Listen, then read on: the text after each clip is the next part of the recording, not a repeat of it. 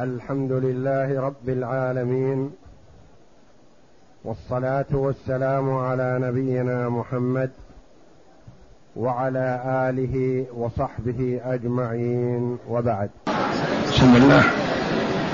بسم الله الرحمن الرحيم. الحمد لله رب العالمين والصلاة والسلام على أشرف الأنبياء والمرسلين نبينا محمد وعلى آله وصحبه أجمعين. قال المؤلف رحمه الله تعالى باب التصحيح. نعم. سبق أن قلنا لكم نقرأ التصحيح في عدة الباحث لأنه في كتاب الكافي مختصر مضغوط. فالتصحيح مهم. بالنسبة للفرضي لا بد أن يعرف كيف يصحح المسائل. قد يعرف طالب العلم الزوج يأخذ النصف مع عدم الفرع الوارث والربع مع الفرع الوارث والأم تأخذ الثلث مع عدم الإخوة وعدم الفرع الوارث وتأخذ السدس مع وجود أحدهما وهكذا قد يعرف طالب العلم نصيب كل وارث. لكن كيف يعطيه نصيبه من المسألة؟ وقد يكون في المسألة انكسار. يعني تكون سهام ثلاثة لخمسة أشخاص أو أربعة لسبعة أشخاص وهكذا. فيكون في المسألة انكسار.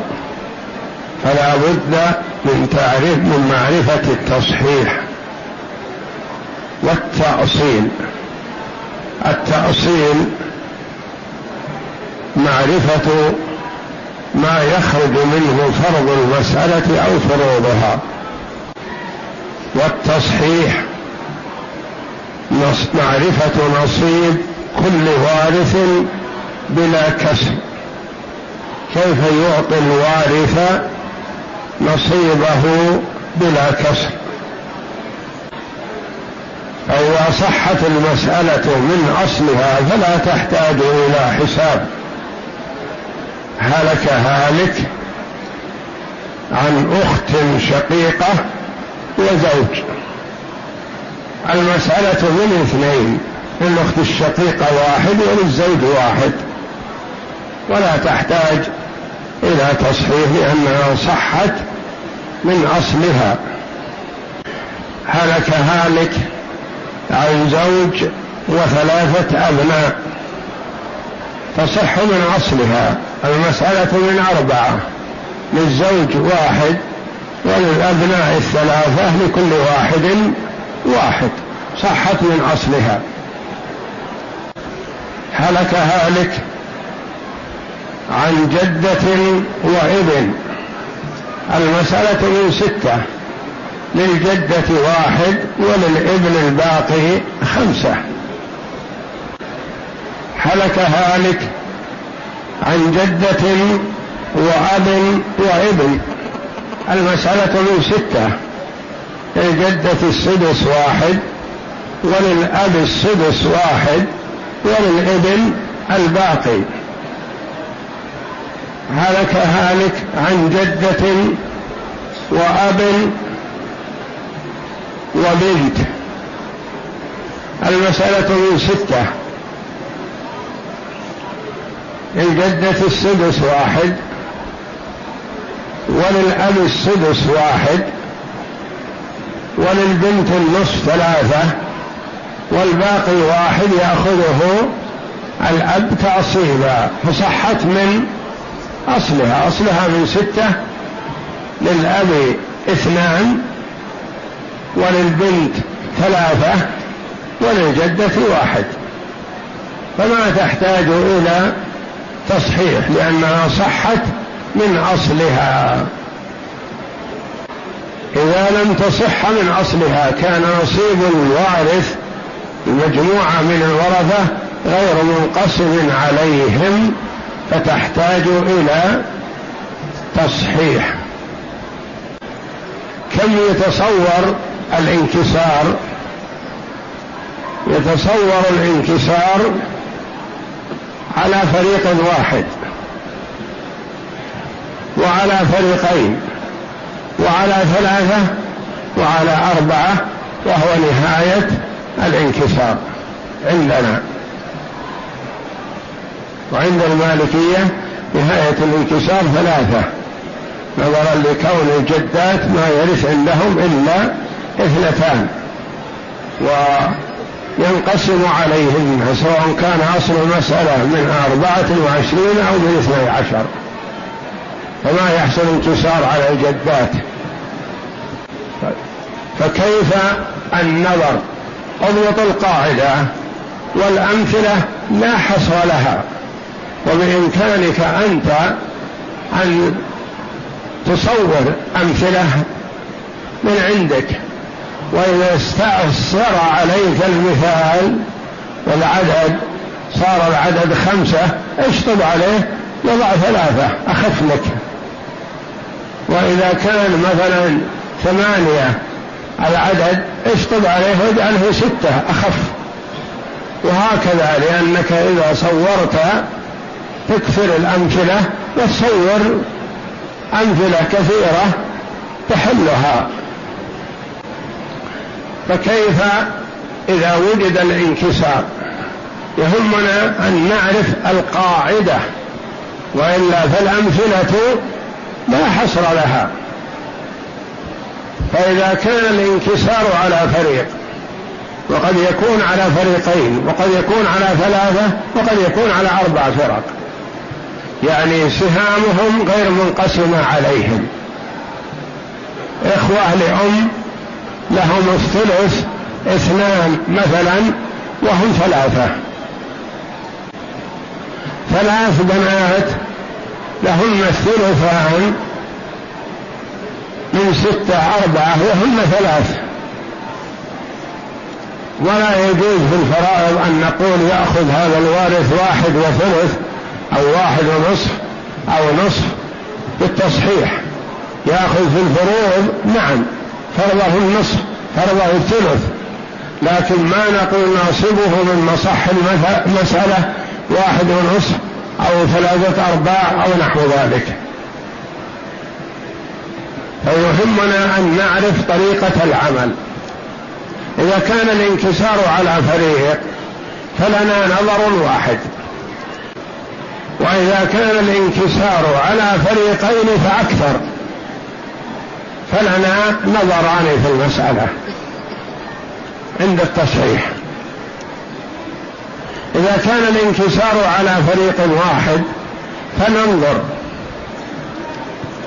موضوع الانقسام عليهم هذا لا نظر فيه الآن عندنا لأنهم نقول صحت من أصلها.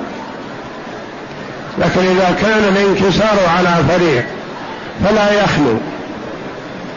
إما أن تكون السهام مباينة للرؤوس. أو السهام موافقة للرؤوس. نظر واحد. السهام اثنان. والرؤوس أربعة. هذه موافقة. لأن الاثنان لها نصف والأربعة لها نصف. السهام اثنان والرؤوس ستة. هذه موافقة. السهام أربعة والرؤوس ستة هذه موافقة. ما العمل في الموافقة؟ نأخذ وفق الرؤوس. وفق الرؤوس. ونضربها في أصل المسألة. والناتج هو المصح.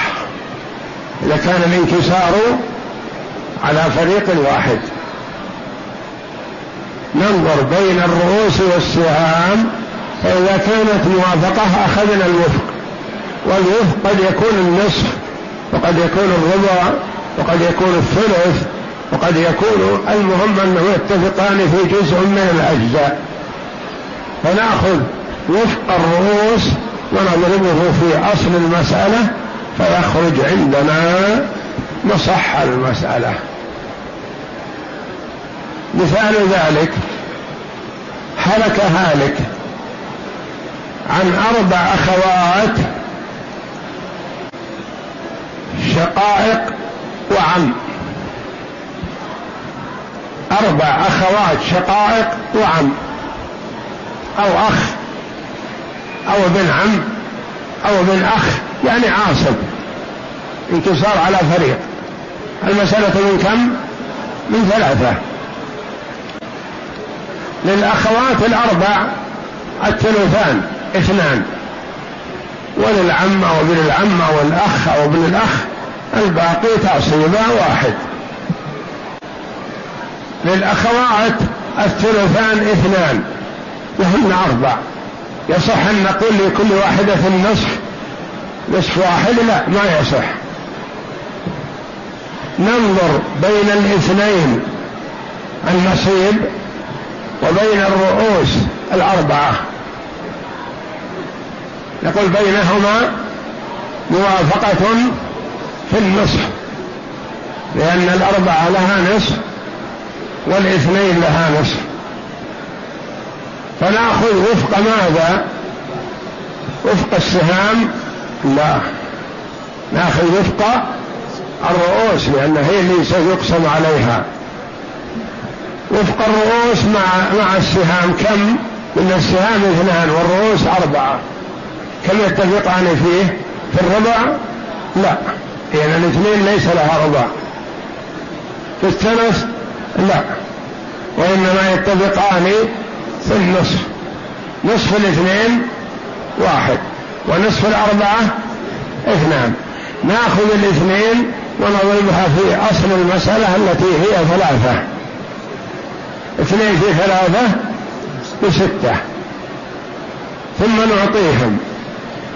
فنقول للأخوات اثنين فيما ضربنا به أصل المسألة. اثنين في اثنين وأربعة لكل واحدة واحد. وللعاصر واحد في اثنين واثنين هذه ستة. ما تغيرت المسألة وإنما مددناها حتى نتحاشى الكسر.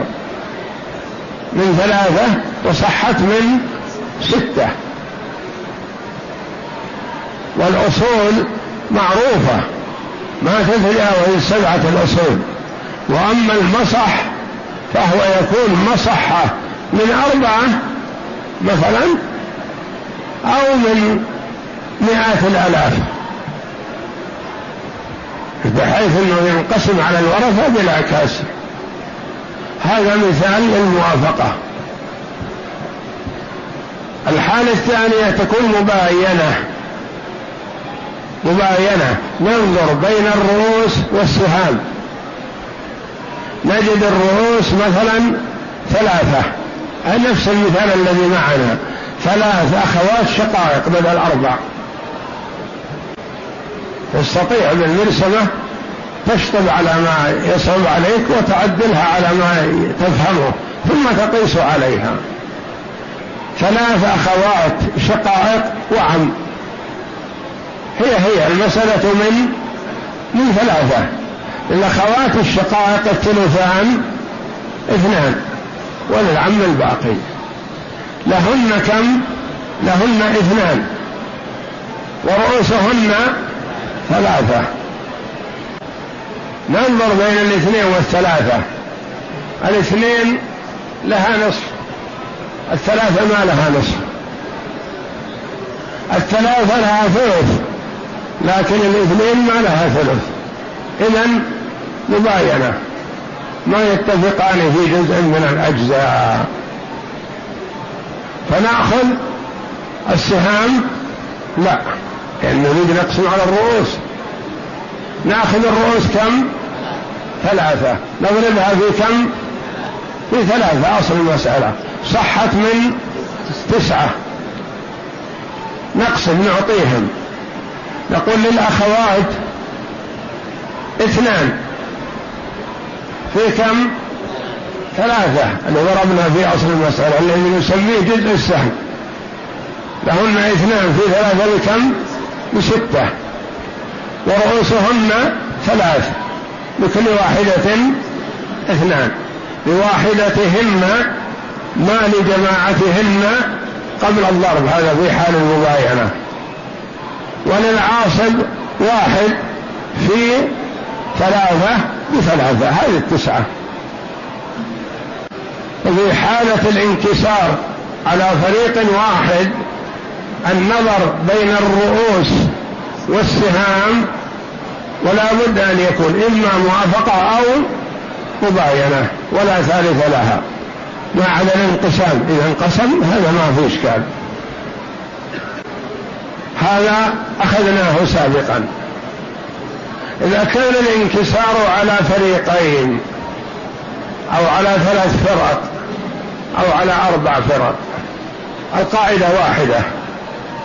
القاعدة واحدة والعمل يختلف.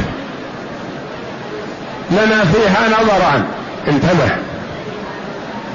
النظر الأول بين الرؤوس والسهام. مثل ما تقدم. موافقة أو مباينة.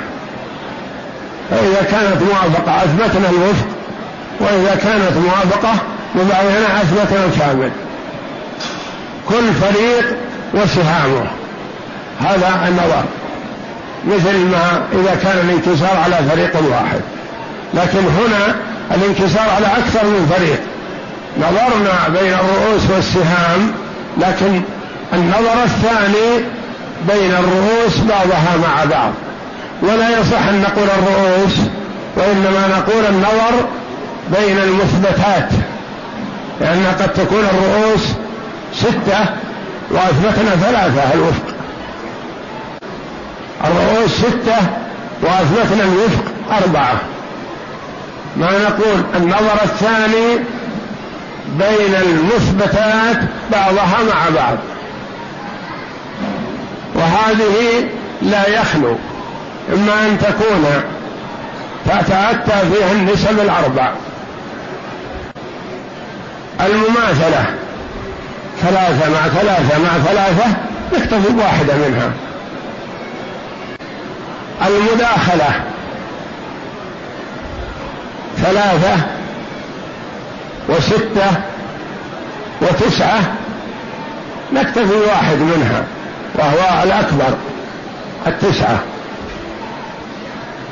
هذه المماثلة والمداخلة. الثالثة الموافقة. نثبت الوفق نضرب وفق أحدهما في كامل الآخر. الرابعة المباينة. نضرب كامل أحدهما في كامل الآخر. وهذا في المثبتات التي هي كناية عن الرؤوس. لكن ليست قد تكون كامل الرؤوس وقد تكون بعضها.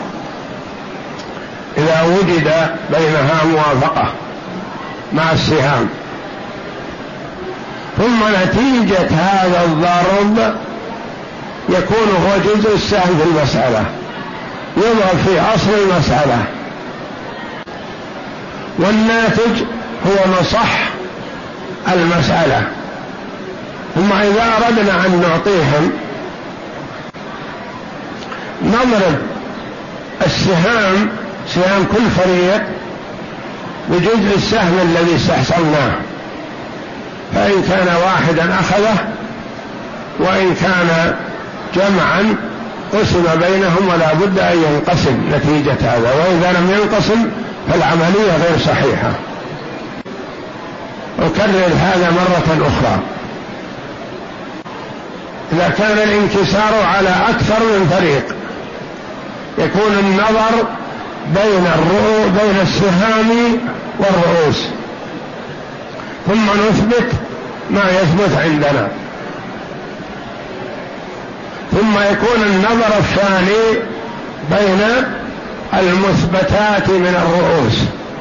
ما نقول النظر بين الرؤوس لأن قد تكون الرؤوس عدد كبير لكن أثبتنا وفقها. فننظر نثبت الوفق. ثم ننظر بين المثبتات بالنسب الأربع. النظر بين السهام والرؤوس في حالتين الموافقة أو المباينة. النظر بين المثبتات بالنسب الأربع ولا يخلو.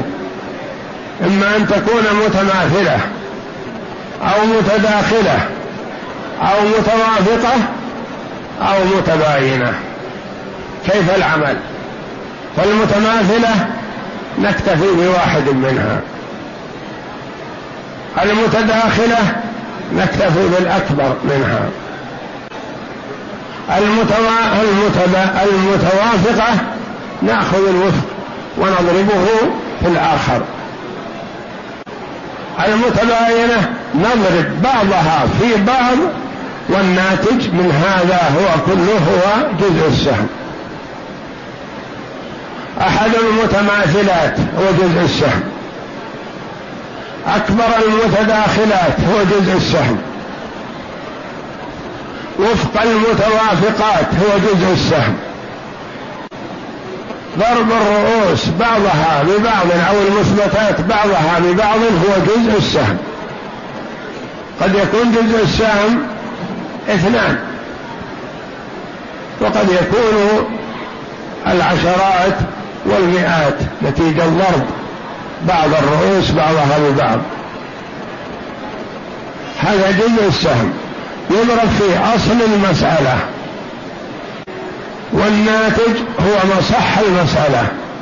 ثم إذا أردنا أن نعطي كل فريق ننظر نصيبه من السهام نضربه في جزء السهم.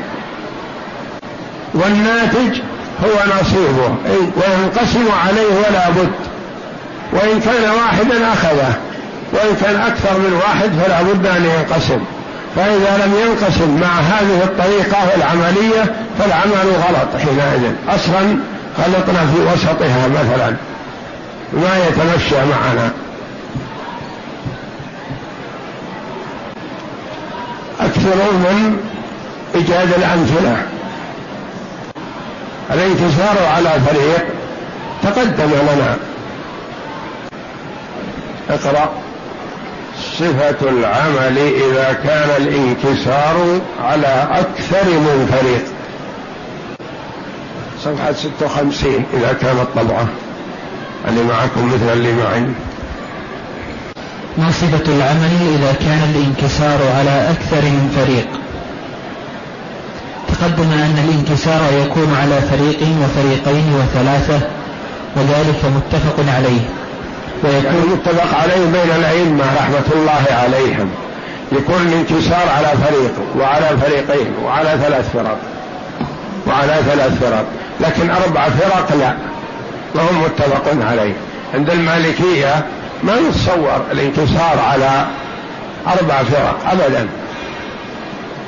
لأن الفريق الرابع اللي يمكن يتصور الانكسار عليه هو الجدات. والجدات عند المالكية ما يرث إلا اثنتان. ولا يكون أصل المسألة عندهم إلا من أربعة وعشرين أو من اثنى عشر. ونصيب الجدات من أربعة وعشرين أربعة ينقسم على ثنتين. ونصيب الجدات من اثني عشر اثنان سدس ينقسم على الاثنتين لكن عند الأئمة الآخرين الجدات قد يكن ثلاث ونصيبهن اثنان أو نصيبهن واحد أو نصيبهن أربعة وهكذا. تقدم أن الانكسار يكون على فريق أو فريقين أو ثلاثة وذلك متفق عليه. ويكون الانكسار على أربع فرق عندنا وعند الشافعية والحنفية خلافا للمالكية. لأن الجدات عندهم لا ينكسر عليهن فرضهن وذلك أن الانكسار على أربع فرق لا يكون إلا في أصل اثني عشر وأربعة عشر. أربعة وعشرين. وأربعة وعشرين. انتبهوا ترى في أغلاط مطبعية. ولا يرث ولا يرث عندهم إلا جدتان فقط. والسدس في هذين الأصلين منقسم عليهن كما تقدم. إن قلنا أن للفرضي نظرين. نظر بين الرؤوس والسهام نظرين إذا كان الانكسار على أكثر من فريق. ونظر واحد إذا كان الانكسار على فريق واحد. والمراد في الفريق الجماعة الوارثين أخوات بنات. إخوة أعمام بنو أعمام وهكذا هذا الفريق. نعم. نظر بين الرؤوس والسهام ونظر بين الرؤوس بعضها مع بعض. فالنظر الأول بين الرؤوس والسهام فإما أن تتباين أو تتوافق. فإن باينت الرؤوس السهام أثبتنا الوفق من جميع رؤوس الفريق آه ونظر كما تقدم قلنا. أن للفرضي نظرين. أقرأ. نظر بين الرؤوس والسهام ونظر بين الرؤوس بعضها مع بعض. نعم. فالنظر الأول بين الرؤوس والسهام. فإما أن تتباين أو تتوافق. نعم. فإن باينت الرؤوس السهام أثبتنا الوفق مع لا فإن باينت أثبتت الكامل وإن وافقت أثبتت الوفق. انتبه لهذا هذه فيها سقط فإن باينت الرؤوس السهام أثبتنا فإن وافقت. اجعل الأولى فإن وافقت. الرؤوس السهام أثبتنا الوفق من جميع الرؤوس رؤوس الفريق. ثم ننظر بين المثبتات من الرؤوس بالنسب الأربع وهي مماثلة فإن كانت متماثلة إلى آخره عذاب وإن كانت الرؤوس متباينة ضربت بعضها ببعض. اقرأ. اصبر التصحيح الصحيح فإن باين فإن وافقت الرؤوس. هلا في حال الموافقة. فإن وافقت الرؤوس السهام أثبتنا الوفق من جميع رؤوس الفريق ثم ننظر بين المثبتات من الرؤوس بالنسب الأربع المتقدمة. وهي المماثلة والموافقة والمداخلة والمباينة. هذا بين المثبتات ولم يقل ننظر بين الرؤوس لأن النظر بين المثبت الذي هو قد يكون الوفق قد يكون الوفق. فتنظر بين المثبت ولا تنظر بين مجموع الرؤوس. نعم. فإن كانت متماثلة اكتفينا بأحدها فيكون جزء السهم فتضربه في أصل المسألة. أو في عولها إن كانت عائلة فما بلغ فمنه تصح المسألة. وإن كانت الرؤوس متوافقة فنأخذ الوفق ونضربه في جميع الموافق الآخر. فما بلغ فهو جزء السهم فنضربه في أصل المسألة أو عولها فما بلغ فمنه تصح المسألة. وإن كانت الرؤوس متباينة ضربت بعضها في بعض فما تحصل فهو جزء السهم فنضربه في أصل المسألة أو عولها فما بلغ فمنه تصح المسألة. وإن كانت الرؤوس متداخلة اكتفينا بالأكبر فيكون جزء السهم فنضربه في أصل المسألة أو في عولها إن كانت عائلة. فما بلغ فمنه تصح المسألة. فجزء السهم هو أحد المتماثلين أحد المتماثلين وأكبر المتناسبين والحاصل من ضرب الرؤوس بعضها في بعض في مباينة. فإذا أردت القسم فمن له شيء من المسألة أخذه مضروبا في جزء السهم فإن كان واحدا فهو له وإن كان فريقا قسم عليه. نعم. مثال للمباينة. زوج وخمسة إخوة لأم وثلاث جدات. المسألة زوج وخمسة إخوة لأم وثلاث جدات الانكسار على كم؟ الانكسار على فريقين. لأن الزوج واحد يأخذ نصيبه. والجدات والإخوة لأم منكسر عليهم. نعم. المسألة من ستة للزوج النصف ثلاثة وللإخوة لأم وللإخوة لأم الثلث اثنان لا ينقسم عليهن لا ينقسم عليهم ويباين. وللجدات السدس واحد لا ينقسم عليهن ويباين. ثم ننظر بين الرؤوس نجدها متباينة. فنضرب ثلاثة. لأن الرؤوس ثلاثة. الإخوة لهم ثلاث آه ثلاثة إخوة لهم وجدتين. الثلاثة والاثنين متباينة. كل عددين متواليين فهما متباينان ما يمكن يصير بينهم موافقة. اثنين وثلاثة ثلاثة وأربعة أربعة وخمسة خمسة وستة وهكذا. نعم. فنضرب ثلاثة رؤوس الجدات بخمسة رؤوس الإخوة لأم تبلغ خمسة عشر. فالخمسة عشر هي جزء السهم نضربها في أصل المسألة ستة تصح من تسعين. فللزوج ثلاثة مضروبة بجزء السهم خمسة عشر تبلغ خمسة وأربعين وللإخوة لأم اثنان مضروبة بخمسة عشر تبلغ ثلاثين لكل واحد ستة وللجدات واحد مضروب بخمسة عشر وهذه صورتها. كما في الجدول الآن زوج خمسة إخوة لأم ثلاث جدات. المسألة أصلها من ستة لأن فيها سدس وثلث ونصف. كلها تخرج من ستة. الجدات لهن السدس. والإخوة لأم لهم الثلث. والزوج له النصف. وهي فريضة عادلة. ليس فيها تعول ولا يبقى للعاصب شيء منقسمة. نصف وثلث وسدس. عادلة. نعم. المسألة من ستة. النظر الأول ننظر بين الخمسة الإخوة لأم وبين نصيبهم اثنان. ننظر بينهما. هل بينهم موافقة؟ الاثنين والخمسة؟ لا ما يتفقان في جزء لأن الاثنين لها نصف والخمسة ليس لها نصف. والخمسة لها خمس والاثنان ليس لها خمس. فنثبت الخمسة بكاملها. ثم ننظر بين الجدات ونصيبهن. نصيبهن واحد وسهامهن ثلاثة ورؤوسهن ثلاثة. مباينة كذلك. مباينة. فأثبتنا الرؤوس كما هي. ثم نرجع ننظر بين الرؤوس بعضها مع بعض. بين رؤوس الإخوة لأم. الخمسة ورؤوس الجدات ثلاثة. الخمسة والثلاث بينهما مباينة ما يتفقان في جزء من الأجزاء. الخمسة لها ثلث لها الخمسة ليس لها إلا خمس. والثلاثة لها ثلث لكن الخمسة ليس لها ثلث فنضرب ثلاثة في خمسة وتكون خمسة عشر. خمسة عشر هذه نسميها جزء السهم. نضرب بها أصل المسألة ستة.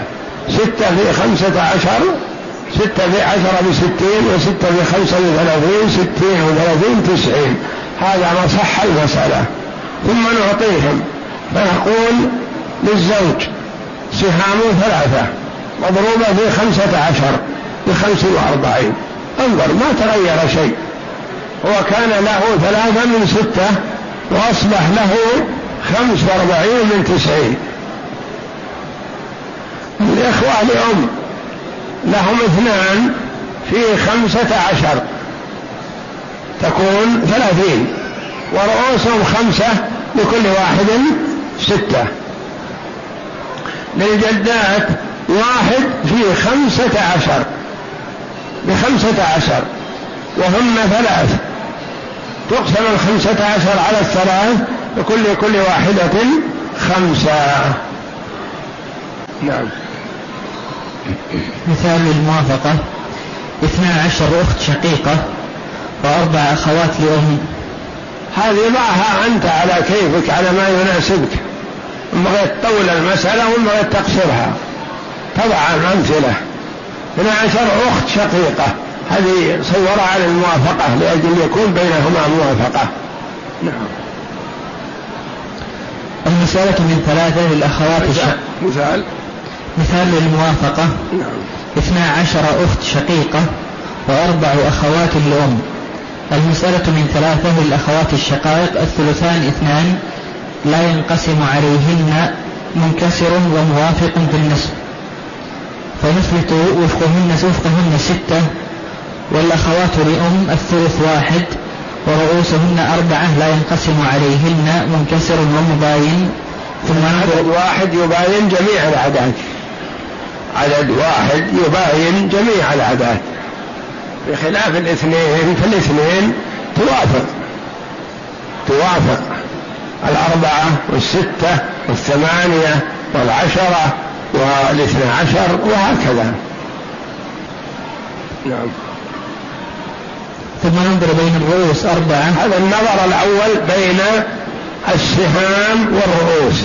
الأخوات اثنان ورؤوسهن اثنى عشر. بينهما موافقة بالنصف. وللأربع الأخوات لأم وسهامهن واحد. هذا في النظر بين السهام والرؤوس مباين لكن النظر بين المثبتات. أثبتنا للأخوات الشقائق الاثنى عشر كم أثبتنا النصف. نصفهن كم؟ ستة. أثبتنا ستة. والأخوات لأم أثبتناها بكاملها أربعة. نظرنا بين الستة والأربعة. وجدنا بينهما موافقة للنصف. فنأخذ نصف أحدهما ونضربه من كامل الآخر. نصف الستة نضربها في الأربعة. أو الأربعة نضربها في نصف في آه، نصف الأربعة نضربها في الستة. فينتج أربعة في ثلاثة باثنى عشر أو ثلاثة في أربعة باثنى عشر كل واحد. هي هي. فجزء السهم هو اثنى عشر. يضرب في أصل المسألة التي هي ثلاثة. ثلاثة في اثنى عشر يكون يصح المسألة ستة وثلاثون. ستة وثلاثون. ثم نعطيهم. فنقول للشقائق اثنان. ترى غلط عندكم مكتوبة. اثنان في اثني عشر بأربعة وعشرين وهن اثنى عشر لكل واحدة سهمان. وللأخوات لأم واحد. من أصل المسألة لهن الثلث.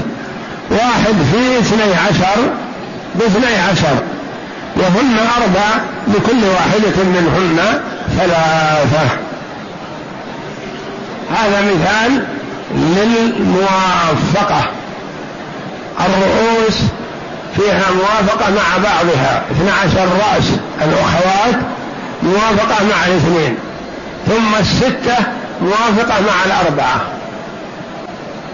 ففيها موافقة بين السهام والرؤوس وفيها موافقة بين المثبتات. ما نقول بين الرؤوس؟ لأن الرؤوس اثنا عشر وإحنا أثبتنا ستة. والثانية أربعة. أربعة وستة بينهما موافقة كذلك بالنصف نعم. ثم ننظر بين الرؤوس أربعة رؤوس الأخوات لأم وستة وفق الأخوات الشقائق. فنجد بينهن موافقة بالنصف فنأخذ وفق أحدهما ونضربه في كامل الآخر. فنضرب اثنين بستة تبلغ اثني عشر وهذا جزء السهم. فنضربه في أصل المسألة ثلاثة فتصح من ستة وثلاثين للشقائق اثنان مضروب باثني عشر فيكون أربعة وعشرين بكل واحدة اثنان. وللأخوات لأم واحد مضروب باثني عشر باثني عشر وهن أربع لكل واحدة ثلاثة. هذه صورتها نعم. مثال للصماء. الصماء المنصكة التي ليس لها مفتاح. ما فيها تجاوب ما فيها توافق ما فيها تماثل كلها متباينة. نعم. مثال للصماء وهي التي عم التباين في الرؤوس والسئام أربع زوجات وثلاث جدات وخمسة أعمام أصلها من اثني عشر كلها منكسر عليهم ومباين وليس فيها توافق. أربع زوجات وثلاث جدات وخمسة أعمام. الانكسار والتباين على كم؟ ثلاث فرق. نعم. أصلها من اثني عشر وتصح من سبعمائة وعشرين. أصلها من اثني عشر لأنها بسيطة. زوجات لهن الربع وجدات لهن السدس والباقي للأعمام. أصلها من اثني عشر لأن فيها سدس وربع. والسدس والربع أقرب مخرج له من اثني عشر لأن السدس من ستة لكن ليس لها ربع. والربع من أربعة لكن ليس لها سدس. فيكون مصحها أصلها من اثني عشر. أصلها بسيط. لكن نظرا لوجود التباين طال المصح جدا. نعم. مثال آخر. لا هذا انظر. وخمسة أعمام. أصلها من اثني عشر وتصح من سبعمائة وعشرين. الزوجات لهن الربع واحد. من اثني عشر لهن الربع ثلاثة وهن أربع والجدات لهن السدس اثنان وهن ثلاث والأعمام لهم الباقي بعد الربع ثلاثة وخمسة خمسة ومن اثني عشر يبقى لهم سبعة الأعمام ورؤوسهم خمسة نظرنا بين الرؤوس والسهام سهام الزوجات كم؟ ثلاثة ورؤوسهن أربع مباينة. سهام الجدات اثنان ورؤوسهن ثلاثة مباينة. رؤوس سهام الأعمام سبعة ورؤوسهم خمسة مباينة. أثبتنا الرؤوس بكاملها ثم ننظر بين الرؤوس والرؤوس. نجد الرؤوس أربعة وثلاثة مباينة. وخمسة مباينة. نضرب ثلاثة في أربعة باثني عشر. نضربها في خمسة بستين. ستين تضرب باثني عشر. اثنى عشر في ستين تصح من سبعمائة وعشرين. عشرة في ستين بستمائة واثنين في ستين مئة وعشرين تصح من سبعمائة وعشرين. ثم تعطيهم وتعطي الزوجات نصيبهن ثلاثة في ستين بمئة ثلاثة في ستين مئة وثمانين. لكل واحدة منهن خمس وأربعين. وللجدات اثنان في ستين بمئة وعشرين. لكل واحدة منهن أربعون. وللأعمام سبعة فيه اثني عشر بسبعين اثنين وثمانين آه في سبعة في ستين سبعة في ستين فيكون لكل واحد منهم أربعة وثمانين لواحدهم ما لجماعتهم يعني نصيب الواحد أربعة خمسة في اثني عشر وخمسين ستين سبعة. في اثني عشر سبعة في عشر بسبعين وسبعة في اثنين بأربعة عشر أربعة وثمانين. على هذا المثال الآخر إن شاء الله نأخذه في الدرس القادم.